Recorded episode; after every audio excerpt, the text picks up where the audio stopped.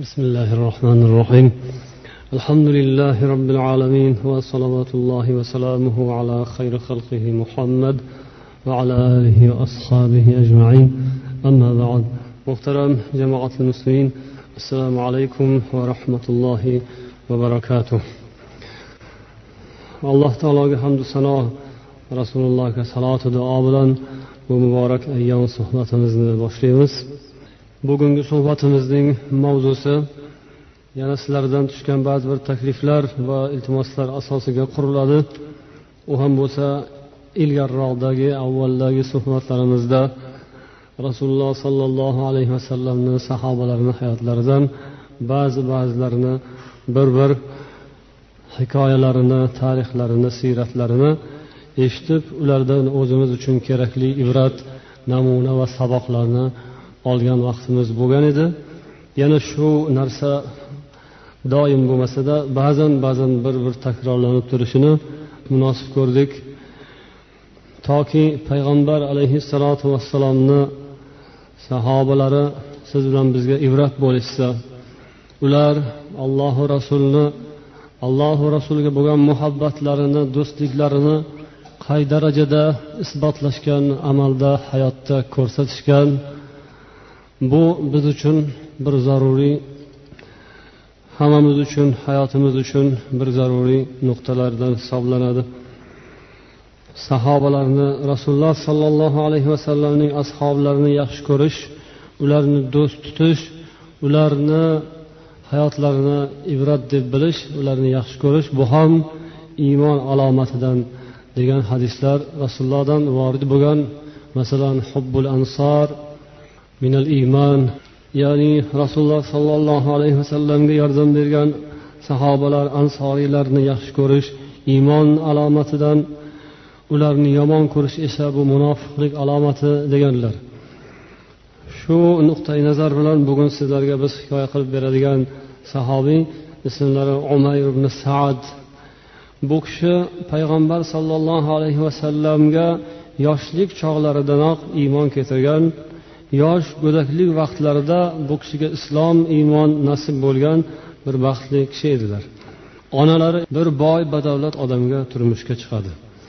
U boy badavlat odam juda bir ochiq qo'l judayam bir farzandlariga oilasiga rahmu shafqatli shunday odam bo'lib chiqadi. Julas bin suvayd degan odam edi. Uni xonadonida biz hikoya qilayotgan umayr ibn saad juda xotirjamlikda bemalollikda otalarini yo'qligini ham sezmagan holatda osoyishta hayot kechiradilar.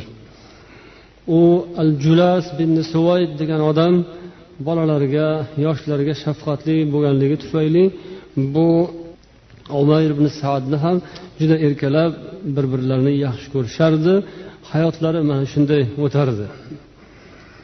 Ikkovlari ham ibodatda itoatda mustahkam edilar.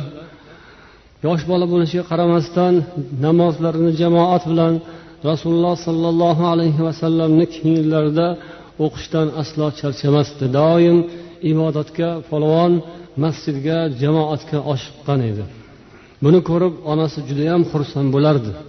Ota bola ikkovlari yetaklashib masjidga ibodatga ketayotganlarini kelayotganlarini ko'rgan onasi juda quvonib o'g'lim bolam mana yoshlik chog'idan islomga musharraf bo'lib rasulullohni ketlarida namoz o'qiydigan bo'ldi deb onasi xursand edi. Alloh taolo mana shu yosh bolaga bir sinov yubordi. Buning hayoti yoshligidan shunday iymoni islom bilan yo'g'rilgan sug'orilgan qalbi hali hech qanday boshqa bir shirku kufru gunoh masiyat yomonliklarni ko'rmasdanoq uning yoshgina qalbiga alloh taolo islomu iymon hadya qildi.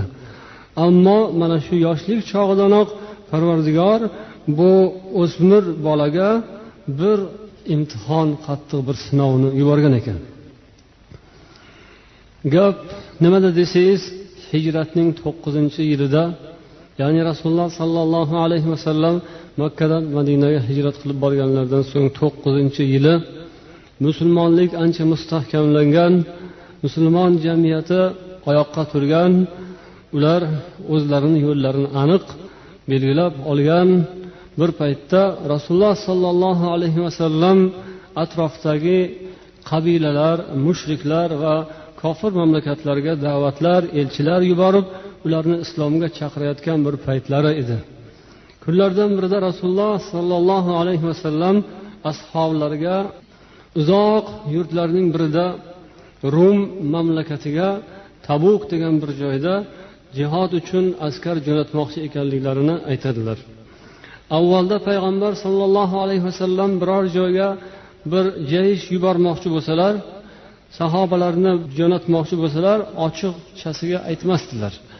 Qo'llariga masalan xat berardilarda bir ikki kun yurganlaringizdan keyin shu xatni ochib ko'rasizlar o'qiysizlar derdilar sir tutilardi. Sahobalar rasululloh sollallohu alayhi vasallamni topshiriqlari bilan ketayotgan bo'lsalarda qayerga ketayotganlarini bilishmasdi. Ko'pincha bu payg'ambar alayhissalomni tadbirlari u kishini bir ajoyib uslublari edi. Oradan bir necha kun o'tgandan so'ng xatni ochib o'qib qarashardi va qayerga borish kerakligini keyin bilishardi. Ammo bu safar esa payg'ambar alayhissalotu vassalom ochiqdan ochiq nima maqsad qayerga boriladi qanday ishlar qanday mashaqqatlar borligini boshidanoq ochiq tushuntirdilar. Sabab nima desangiz sabab bu oldinda turgan vazifa juda ham ulkan vazifa boriladigan masofa juda ham olis ro'baro bo'ladigan dushman juda ham qudratli juda ham bir mashaqqatli ishga rasululloh sahobalarini jo'natayotganliklarini oshkora ochiqdan ochiq aytdilar va shunga tayyorgarlik qilishni buyurdilar. O'sha vaqt toza issiq avjiga chiqqan yozni eng qizgan pallasi ekan. Yana bu bilan bir qatorda mevalar g'arq pishgan payti odamlar soya salqin joylarni izlab qolgan hamma dam olgisi kelib turgan bu yoqda bir tomonda meva cheva pishgan bog'roqlar mo'l hosili g'arq bo'lib turgan. Odamlar shu hosilni tagida yonboshlashib yoki boshqa dam olishadigan paytlari bo'lib turgan mahalda rasulullohdan bunday xabar kelganda iymon e'tiqod shu yerda bir sinaldi. Haqiqiy chin iymonli kishilar hech bir narsaga qaramasdan bu yoqda havo juda qiziq issiq og'ir mashaqqatli yo'l juda olis masofa necha minglab chaqirim masofa sahro cho'l buni bosib o'tish o'zi emas oson bo'lmaydi. O'sha narsa ham ularni ko'ziga ko'rinmadi. Bir tomondan hosil g'arq pishgan buni yeb maza qilib dam olib yotish bu insonni nafsi shuni xohlab turadi. Ammo o'sha iymon mustahkam bo'lganlarni ko'ziga bu ham ko'rinmadi. Balkim ular rasululloh sollallohu alayhi vasallamdan bir og'iz bu ishoratni eshitganlaridan keyin hammalari bel bog'lashib astahdil tayyorgarlikka kirishdilar. Ammo zohirdan musulmon bo'lib lokin aslida botinda hali iymonga kelmagan munofiqlar ham bor edi madinada. Makkada munofiqlik makkada yo'q edi. Madinaga kelgandan keyin munofiqlik paydo bo'ldi. Chunki musulmonlik mustahkam bo'lgandan keyin munofiqlar yashirin yo'lga o'tdilar. Mana shunday holatda ularni basharalari ochilib qola boshladi. Munofiqlar o'zaro yig'ilishib to'planishib bu qandoq bo'ldi? Qanday qilib u yerga borib bo'ladi? Bu qanaqa mashaqqat bu zulm bu hech bir bo'lmagan narsa aqlga sig'maydigan narsa bu muhammad o'sha yerga odamlarni olib borib hammani u yerda dabdalasini chiqarib hamma halok bo'ladi o'ladiku deb butun atrofga vahimalarni tarqata boshladilar turli xil ig'volarni qilib musulmonlikka qarshi so'zlarni ayta boshladilar. Lokin bu umayr ibn saad degan yoshgina bola har kuni rasululloh sollallohu alayhi vasallam huzurlarida bo'lardi namozni jamoat bilan o'qirdi va mo'min musulmonlar payg'ambarimiz sollallohu alayhi vasallamni buyruqlariga qay darajada amal qilayotganlarini ko'rib havas kelardi. Odamlar topgan tutgan molu mulklarini olib kelib rasulullohni oldilariga tashlardilar. Ayollar xotin qizlar alloh taolo bizdan ham qabul qilsin. Biz erkaklarga o'xshab barobar islom uchun xizmat qilolmaymiz bizni topganimiz shu bo'ldi deb qo'llaridagi hamma ziraklari bilak uzuklariyu ziraklariyu taqinchoq qimmatbaho taqinchoqlarini olib kelib rasulullohni oldilariga uyib tashlay boshladilar. Ya'ni bizdan islom uchun xizmat shu bo'lsin. Mana shuni evaziga shuni kuchiga siz islomni rivojiga bu narsani sarf qiling deb ayollar keltirib tashladilar. Hazrati usmon ibn affon roziyallohu anhu rasulullohga mana bu mandan islom uchun xizmat bo'lsin deb ming dinor oltin olib kelib tashladilar. Abdurahmon bin avf ismli sahobiy yelkalarida yuz o'qiya og'irlik keladigan oltinni olib kelib rasulullohni oyoqlariga tagiga tashladilar. Bu olloh uchun olloh yo'lida islom uchun biz sizga mana rasululloh buni ishlating deb qo'llaridan kelgan ishni qila boshladilar.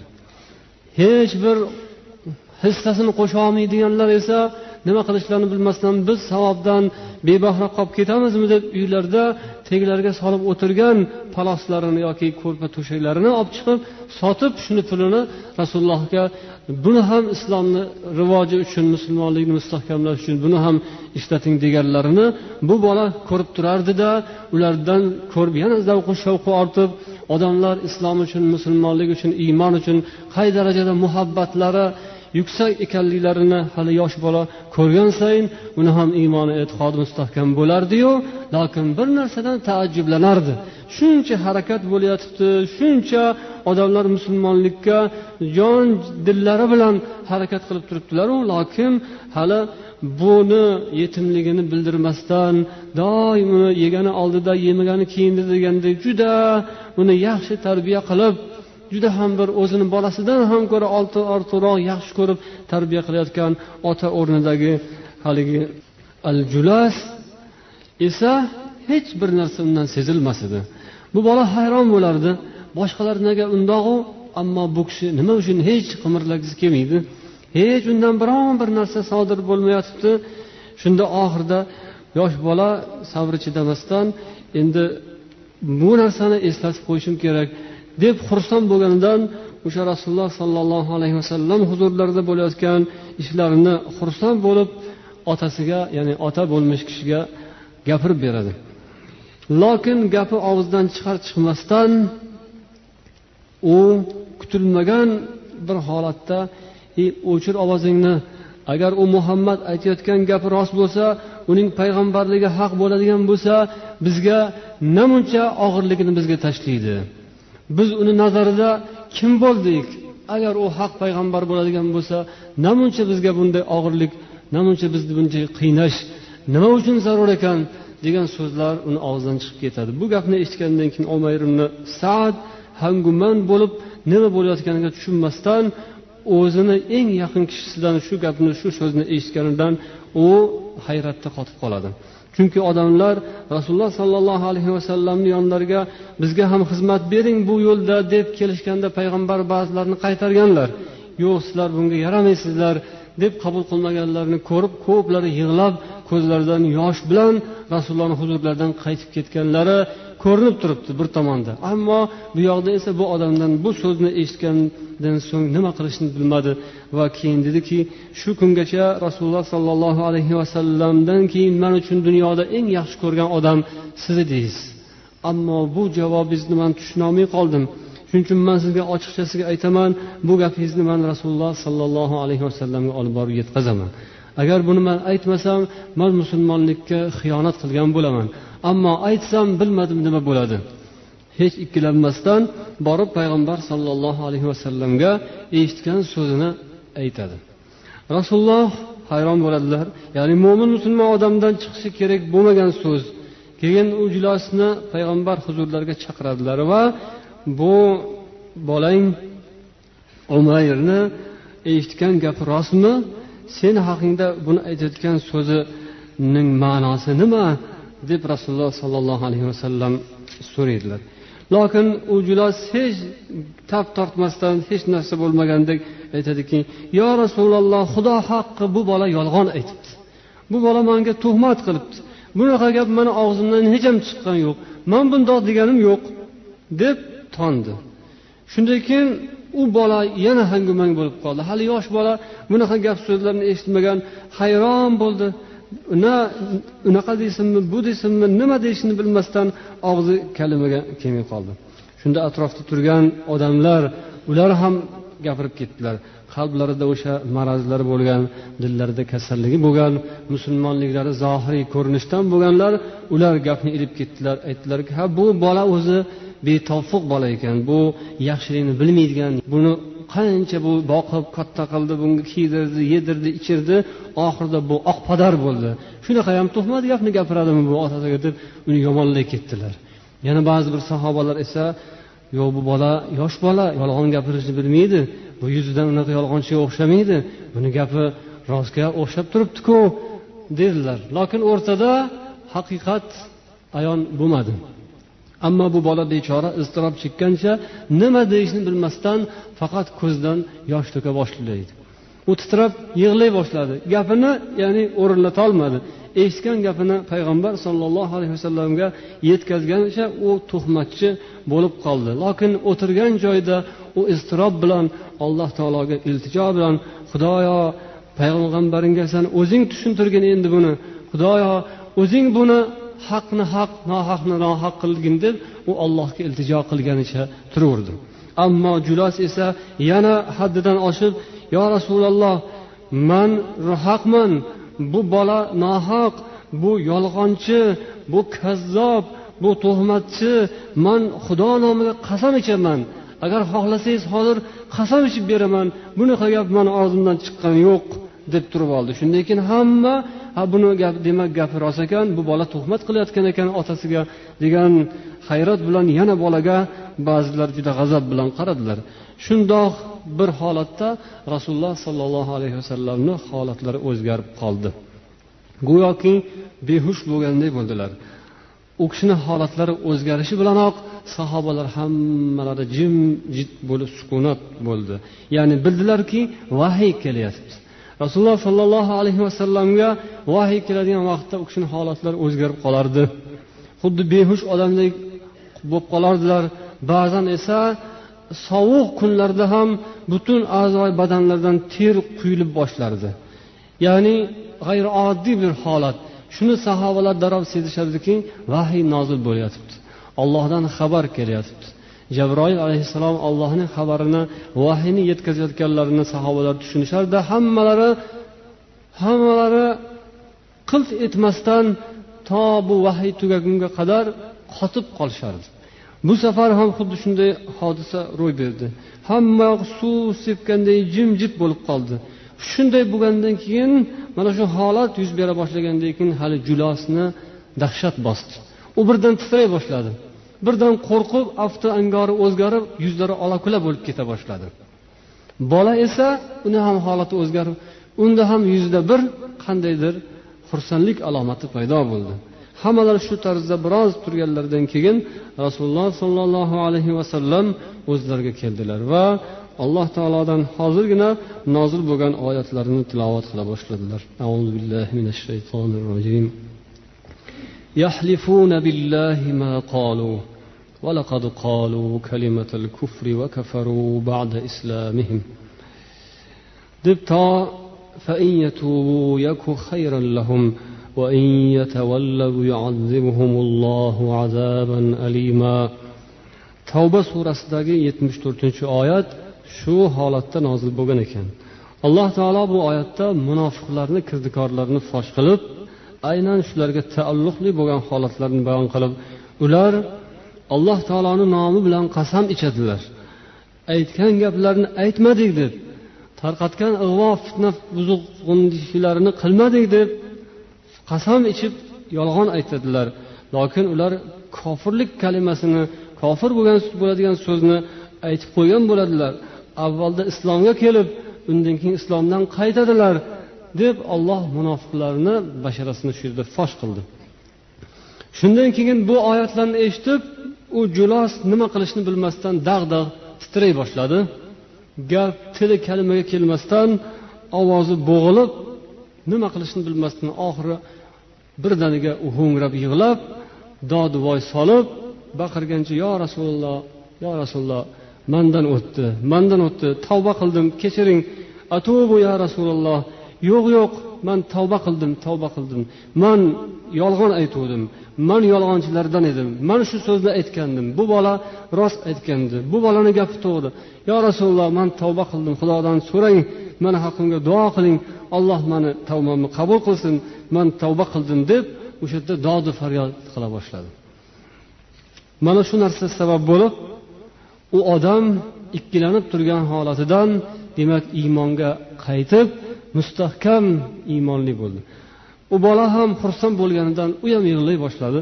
Rasululloh sollallohu alayhi vasallam bolani qulog'idan ushlab bu quloqlaring aldamabdi seni. Bu quloqlaring senga vafo qildi. Alloh taolo shu qulog'ing eshitganini olloh ham tasdiqladi deb rasululloh uni bir erkalaganday bo'ldilar. Shu voqeadan keyin bu julosni islomi butun islom bo'ldi. Uning iymoni haqiqiy mukammal iymon bo'lib xulqi atvori tuzalib mana shundan keyin u chin musulmon bo'lgan ekan. Buni chin musulmonligini keyingi voqealarda sahobalar tasdiqladilarki u bolaga keyin yomonlik qilmadi. Qachon shu bola haqida gapirilsa jazohullohu anni hayron alloh taolo men nomimdan u umayrga mukofot bersin. Shu sabab bo'lib mani olloh jahannamdan qutqardi. Shu go'dak shu yosh bolani e'tiqodi aqidasining mustahkamligi iymoni musulmonlikka bo'lgan hurmati ehtiromi dinga bo'lgan mustahkamligi mandek bir nodon johilni iymonsizlikdan jahannam olovidan ollohning g'azabidan ollohni la'natidan shu bola tufayli man qutulib qoldim deb doim qachon shu umayr gapirilsa uni faqatgina maqtardi.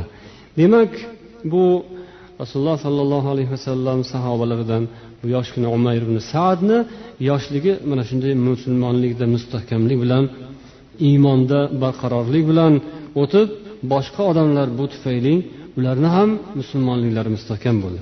Bu u kishini yoshligidan bir ozgina lavha. Alloh taolo bizni ham yoshlarimiz farzandlarimizni iymon e'tiqodlari chin mustahkam bo'lishi alloh uchun hayotimiz islomimiz uchun alloh uchun xizmat qilib o'tishni o'zi nasib ro'za aylasin bu hammamizga bir ibrat. Bu kishini yoshlari o'tib rasululloh sollallohu alayhi vasallam vafot etganlaridan keyin ham o'sha yoshlik chog'larida olgan tarbiyalarini sharofati bilan umrlarining hammasi boshqa musulmonlarga ibrat bo'lib o'tgan ekan. Hazrati umar roziyallohu anhu davrlarida bu kishini yana bir holatlari bizga ibrat bo'ladigan. Va bu hazrati umar xalifalik paytlarida hims degan bir shahar shomni hims degan bir shaharni ustida hech voliylar to'xtamas ekan. Voliy ya'ni hokim o'sha shaharni so'rab turadigan boshlig'i xalifalik tomonidan tayinlangan voliylari hech ishni uddalay olishmagandan keyin hazrati umar bu kishini o'sha yerga voliy qilib jo'natdilar. Ammo oldiniga hech qabul qilmagan ekanlar bundoq ishni. Alloh taolo yo'lidagi jihodim da'vatim bu hamma narsadan afzal. Menga hokimlik kerak emas menga voliylik kerak emas menga bundoq mansab kerak emas deb shuncha uni masalan ham hazrati umar majburlab u kishini bo'yniga shu ishni yuklab o'sha hamis degan viloyatga hokim qilib voliy qilib jo'natdilar. U kishi borgan kunlarining birinchi kuniyoq namozi jamoatda odamlarni yig'ib namozdan keyin jamoatdan so'ng odamlarga musulmonlarga qarab qisqagina xutba o'qidilar. Aytdilarki odamlar bilinglar bu islom bu din shunday bir mustahkam qal'a. Uning eshigi ham shunday bir mustahkam qurilgan. Bu islomning qal'asi adolat bo'ladi. Islomning darvozasi bu haqiqat bo'ladi. Adolat agar adolat agar titrasa adolatni agar oyog'i bo'sh bo'lsa demak islomning qo'rg'oni quliydi agar haqiqat bo'lmasa haqiqatga amal qilinmasa dinning eshigi buzilishga boshlaydi. Shuning uchun islomning qo'rg'oni islomning darvozasi mustahkamligi bu adolat bilan va haqiqat bilan bo'ladi. Va islomni alloh taolo mustahkamligini sultonning qattiqligi bilan saqlaydi. Sulton boshliq podsho hokimning mustahkamligi qattiqligi bu islomni mustahkamligini ta'minlaydi. Ammo sultonning qattiqqo'lligi bu qilich bilan yoki qamchin bilan urush bilan kaltak bilan bo'lmaydi. Balkim sultonning qattiqqo'lligi bu adolat bilan bo'ladi va haqiqat tomoniga moyilligi bilan bo'ladi. Agar sulton adolatli bo'lsa adolatdan boshqa narsani rioya qilmasa va haqiqatni rioyasini qiladigan bo'lsa o'sha mustahkam sulton bo'ladi va u bilan islom ham mustahkamlanadi deb qisqagina xutbalarni o'qidilarda shundan keyin ishlarga kirishib ketdilar. Oradan bir yil vaqt o'tdi. Lokin bir yil davomida hazrati umarga hech bir xabar bo'lmadi. Na xat na biron bir soliq hech narsa bo'lmagandan keyin oxiri hazrati umar ularga bir xat jo'natib qaytib kelishni so'ragan ekanlar. Bu kishi umar ibn saad hazrati umardan xat bo'lgan zahoti yana orqalariga qaytib hazrati umarni huzurlariga yetib bordilar piyoda. Ketayotgan vaqtlarida bir xaltalarni oldilar unga oziq ovqat yo'lda yeydigan oziq ovqatlarni soldilar. Yelkalariga yana bir idishlari bor edi kichkina tog'orachaga o'xshagan uni oldilar va tahorat suvi soladigan bir kichkina idishni oldilar. Shu bilan piyoda yo'lga tushdilar. Necha ming chaqirim yo'lni bosib bir alfozda charchagan butun atroflari yo'l safarni alomati holatda charchoq holatda sochlari to'zg'an holatda hazrati umarni oldilariga keldi. Hazrati umar hayron bo'ldi. Nima bo'ldi sizga? Hech narsa bo'lgani yo'q. Mana sog'lomman alhamdulillah dunyoni o'zim bilan sudrab olib kelyapman dedilar. Hazrat umar aytdilar o'yladilarki demak rosa bir yil bo'yicha yig'gan soliqlarni hammasini olib kelayotgan bo'lsa kerak deb o'yladilar. Ha qani o'sha dunyo? Nima olib kelyapsan desalar aytdilarki mana bu xaltam ovqat soladigan. Mana bu tog'oracham yo'lda shunda suv ichaman suv ichdim tahorat qildim. U yoq bu yog'imni yuvdim kiyimlarimni yuvdim. Ho'p mana bu esa tahorat soladigan yo'lda ichish uchun yoki tahorat qilish uchun suv soladigan xaltam dedilar. Ya'ni mana shu dunyoni sudlab kelyapman deganlari shu ekan. Ya'ni mana shuni o'zi dunyoning boshi. Keyin qolgani shundan davom etaveradi. Mana shu xalta demak bu dunyoning avvali. Keyin buni davomi ketaveradi. Bu tog'orachi ham shunaqa. Mana bu suv ham xalta ham shu. Manga esa bundan boshqasi hojati yo'q. Mana shuni o'zi yetarli bo'ladi dedilar. Hazrati umar hayron bo'lib piyoda keldingizmi ha piyoda keldim. Ha sizga biron bir narsa berishmadimi? Axir u hokimiyat tomonidan siz hokim voliy bo'lsangiz u yerda desalar ular manga berishmadi man ham so'ramadim. Ho'p qani baytulmol uchun nima olib keldingiz? Xalifalikni xazinasiga nima olib keldingiz? Hech narsa olib kelmadim. E nega hech narsa olib kelmadingiz? Man borgan vaqtimda hamma ahli mamlakatni shahar aholisini yig'dim va ularga hamma xizmatlarni taqsimlab bo'lib berdim. Yig'ilgan narsalarni soliqlarni boshqalarni hammasini yig'ib keyin buni nima qilaylik deb o'sha yerdagi aholini o'zi bilan maslahat qildim. Ular bilan maslahatimiz shunga tegdiki o'sha yerni o'zida muhtojlar ko'p ekan kambag'allar bor ekan hammasini bo'lib berdik kambag'allarga. Shu boylardan olib kambag'allarga bo'lib beraveramiz. Shunday qilib xazinaga hech narsa qolmadi. Bu yoqqa olib kelishga hech narsa yetmadi. O'sha yerda o'zidan ortmadi degandan keyin hazrati umar kotiblarni chaqirib kel bu yoqqa? deb chaqirdilarda yoz. Ya'ni bu umayr ibn saad o'sha yerda hokimligini davom ettiraversin deb yana yangilab buyruqni yangilab u kishini o'sha yeriga yana yana ishingizni davom ettiraverasiz juda yaxshi ish qilibsiz. Juda ham to'g'ri ish qilibsiz deb hazrati umar xursand bo'lib ketdilar. Lokin bu gapni eshitib yo'q yo'q shoshmang shoshmang xudo asrasin. Xudo asrasin mana bu ishni ikkinchi yubormang. Jon umar bo'ldi qiling. Man ikkinchi bu ishni qilmayman endi. Shuncha vaqt qildim bo'ldi endi to'xtating bo'ldi qiling. Dedilar. Man uyimga bir borib ahli iyolim oilam bilan bir xabarlashib kelayin deb u kishi oilalari turgan joyga ketgan ekanlar. Oradan biroz vaqt o'tgandan keyin hazrati umar orqasidan bir odam jo'natdilar. Buni bir sinab kelginchi borib mana u ming dinor oltin cho'ntagingga yoningga solgin borib bir mehmonga o'xshab borgin. Qani u nima bilan shug'ullanyapti ekan? deb. Shunday qilib u kishi yo'l yurib umar ibn saadni qishlog'iga bordilar. Keyin madinadan kelganlarini aytdilar. Salom alikdan so'ng bir necha kun istiqomat qildilar. Uch kun istiqomat qildilar u kishini uylarida. Uch kungacha har kuni bir dona non olib chiqib qo'yar ekanlar. Kechqurun kunduzi nima ish bilan bo'lsa yurib aylanib kelib kechqurun kelar ekanlar mehmon bo'lib yotadigan joylariga bir dona arpa unidan qilingan nonni olib chiqadilar. Uch kungacha shu holda davom etdi. Boshqa hech narsa yo'q. Keyin uch kun o'tgandan so'ng atrofdagi kishilar sekin haligi mehmonga aytishdiki mehmon mana uch kun yotdingiz bu omayrni uyida lokin shu uch kun ichida ancha qiynab qo'ydingiz bu kishini. Agar biron bir xizmatingiz bo'lsa ishingiz bo'lsa bitiraylik. Bo'lmasam endi ketsangiz ham bo'ladi deyishdi. Ya'ni musulmonlikda uch kun mehmondorchilik uch kun. Uch kungacha so'ramasdan agar mehmon kelib yotsa uni mehmon qilish shart bo'ladi vojib bo'ladi. Musulmon odamga u mehmonning haqqi uch kungacha davom etadi. Uch kundan keyin esa haqqi tugaydi. Bersangiz savob bermasangiz hech narsa qilmaydi. Izzat uch kun ekan. Bu kishi ham uch kungacha yotavergandan keyin uch kungacha yotib dunyoni narsasini yeb qo'ygani yo'qku. Har kuni bir donadan arpa noni faqatgina. Lokin shu ham o'z umayrga og'ir edi. Chunki shunaqa bir kambag'al faqirona oddiy sodda hayot kechirar ekanlar. Haligi so'zdan keyin bu mehmon keyin sal etagini yig'ishtirib ketish taraddudiga tushdilar va ketayotgan vaqtlarida yonlaridagi oltinni chiqarib keyin saatga oldilariga qo'ydilar. Umayr ibn saadni oldilariga qo'ydilar. Bu nima?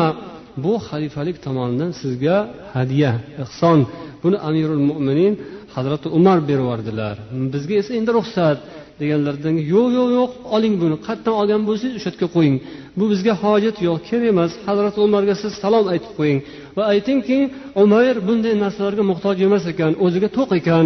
Hamma narsasi yetarli ekan sizga rahmat tashakkur aytib yubordilar deb bu narsani darrov egalariga umarga olib borib bering dedilar. Lokin bu gapni xotinlar eshitib turgan ekanlar. Hoy umayr to'xta to'xtang olsangizchi uni olsangizchi ah, dedilar ayollari.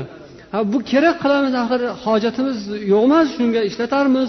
Ha agar siz ishlatmasangiz boshqa muhtojlar borku shaharda axir. Nega qaytarasiz endi berganni?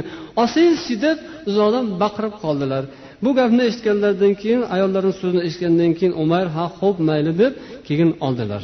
Bu kishi davo yo'llarga ravona bo'lib hazrati umarni huzurlariga yetdilar. Keyin hazrati umar u kishidan so'radilar nima gap so'z bo'lganini va aytdilarki oltinni oldimi yo'qmi? Oltinni man e, olmayotgandi lokin ayoli shunaqa oling oling qilgandan keyin oldi. Nima qilarkan oltinni? Bildingmi nima qildi olgandan so'ng deb so'radilar. U kishi javob aytdilarki bilmadim. Lokin ishonchim komilki u bir tiyinini ham bir tangasini ham o'ziga ishlatmasa kerak. Olishga oldiyu lokin man aniq bilaman u bir tangasini ham cho'ntagiga solmasa kerak dedilar. Darhaqiqat bu kishi oltinlarni oldilaru o'sha kuniyoq ertasigayoq hamma hojatmandlarni shahardagi kambag'allarni chaqirib yoki uy uylarga hammasini bitta bittalab bo'lib berdilar. Keyin hazrati umar yana bir xat jo'natib bu kishini huzurlariga chaqirgan ekanlar. Umar ibn saat umarni huzurlariga keldilar. So'rashib hol ahvol so'ragandan keyin aytgan ekanlarki yo umayr biz jo'natgan oltinlarni nima qildingiz? Bu kishi aytibdilarki ha sizni nima ishingiz bor? Siz endi yoningizdan chiqarib berdingiz. Bergandan keyin uni man nimaga sarflashim bilan sizni nima ishingiz bor? Maniki bo'ldi. Mani o'zimniki bo'lgandan keyin uni xohlaganimga ishlataman. Sizni nima bunga daxlingiz bor degandagi yo'q. Aytasiz man shuni bilishni juda xohlab qoldim. Shunga qasd qildim qaror qildim. Shuni aytmagunizcha qo'ymayman. Nima qildingiz shu oltinlarni? deb so'raganlarida u kishi aytgan ekanlarki oltinlar kumushlar mol dunyolar pul topilmaydigan bir kunim uchun olib qo'ydim uni degan ekanlar. Ya'ni qiyomat uchun uni sarfladim.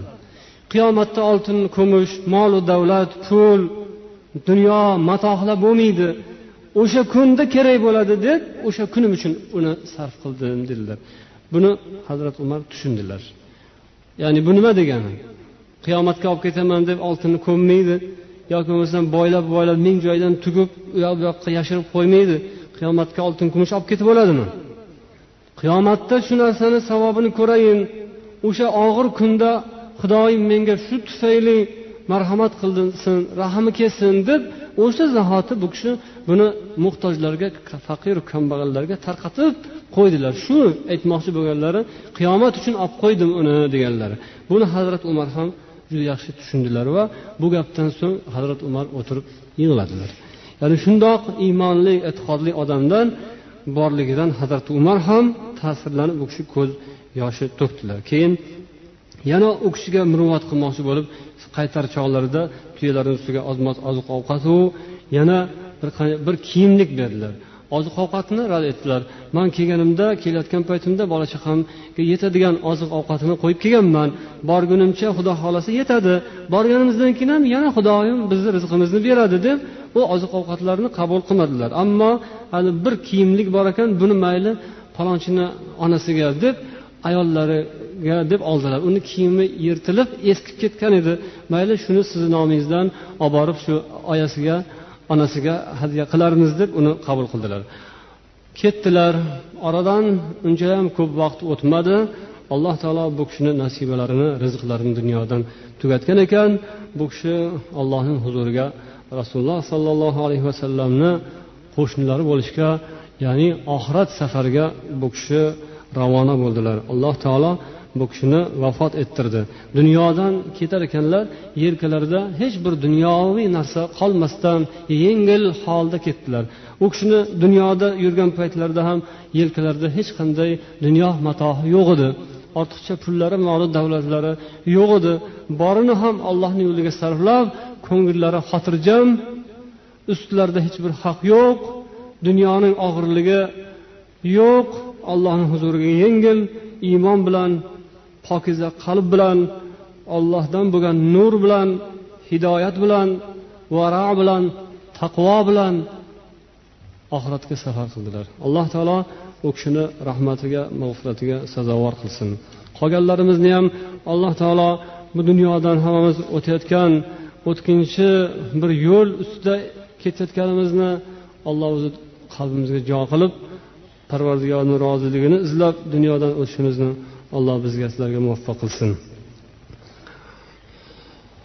Ho'p endi muhtaram birodarlar hozir vaqtimiz ham nihoyasiga yetdi. Qolgan bir ikki uch daqiqa. Sizlardan ba'zi bir savollar bo'lgan edi. U savollar o'tgan jumada qilingan mavzamizni ma'ruzamiz yuzasidan berilgan savollar edi. Ya'ni xabarlaringiz bor o'tgan jumada sigaret haqida chekish sigaretni haromligi haqida bir butun mavzu butun suhbatni hammasini shunga bag'ishlagan edik. Va buni natijalarini ba'zilarini eshitdik ham alhamdulillah.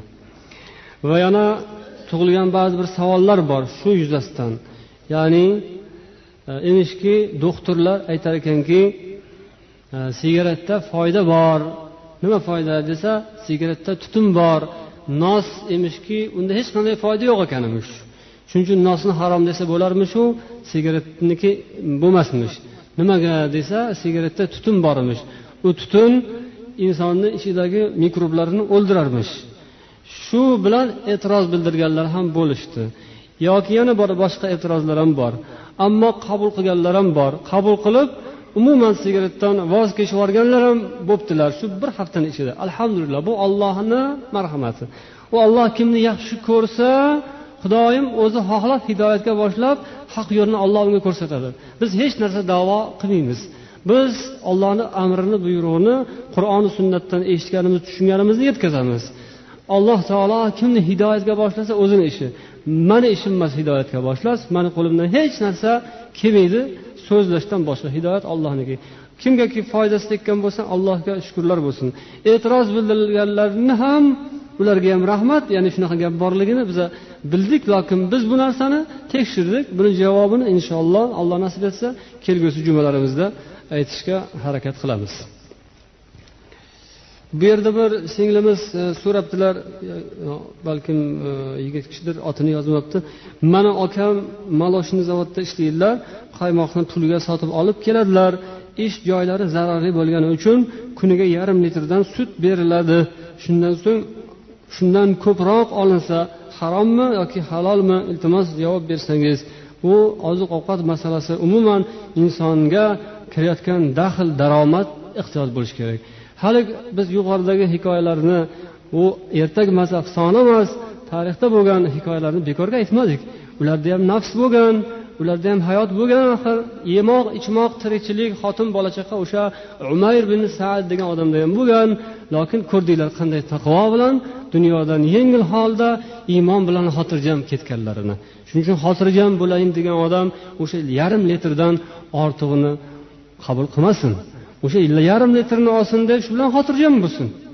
Ho'p yarim litr olmasdan bir litr oladi shu bilan o'sha ortiqcha yarim litr sut unga obi hayot bo'lib o'lmaydigan bir hayot beradimi? Yoki bir kasal bo'lsa hech kasal bo'lmaydigan qilib tuzatib qo'yadimi? Nima bo'ladi yarim litr sut bilan hech narsa o'zgarmaydi. Faqatgina u halqumini bulg'ab birovning haqqini yeb qo'yib keyin u bechorani duosi ibodati qabul bo'lmay hayoti mashaqqat bilan o'tishi o'zidan o'zi sabab bo'lib qolishi mumkin. Shuning uchun bu yarim litrdan ortig'i ortiq ba'zi birlar sut olib kelayotgan mahallarida uni ataylab qaymog'ini olib keyin sutini xalqqa sotadigan holatlari ham e, magazinga yetib kelmasdan oldin u nariroqda ikki uch chaqirim joyda to'xtab olib oladiganini olib qolganini keyin shilqillatib suvga o'xshatib uni xalqqa sotadigan joylari ham bor ekan. Xullas ehtiyot bo'lish kerak. Ozgina narsa bilan inson boyib qolmaydi ozginasi kam bo'lsa kambag'al bo'lib ochdan o'lmaydi. Rizq azaliy olloh tomonidan belgilangan. Rizqimizni haloli pokizadan olloh yetkazishini so'raymiz. Subhanakallohumma va bihamdik. Ashhadu an la ilaha illa anta astag'firuka va atubu ilayk. Allohumma salli ala muhammad va ala alihi va ashabihi ajmain. Bi rahmatika ya arhamar rohimin allohu akbar.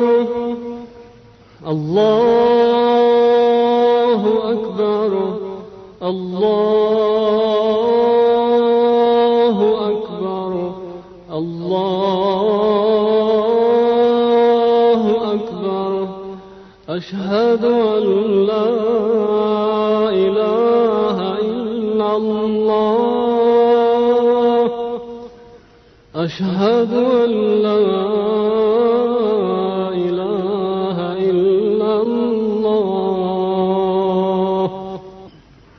أشهد أن محمدا رسول الله.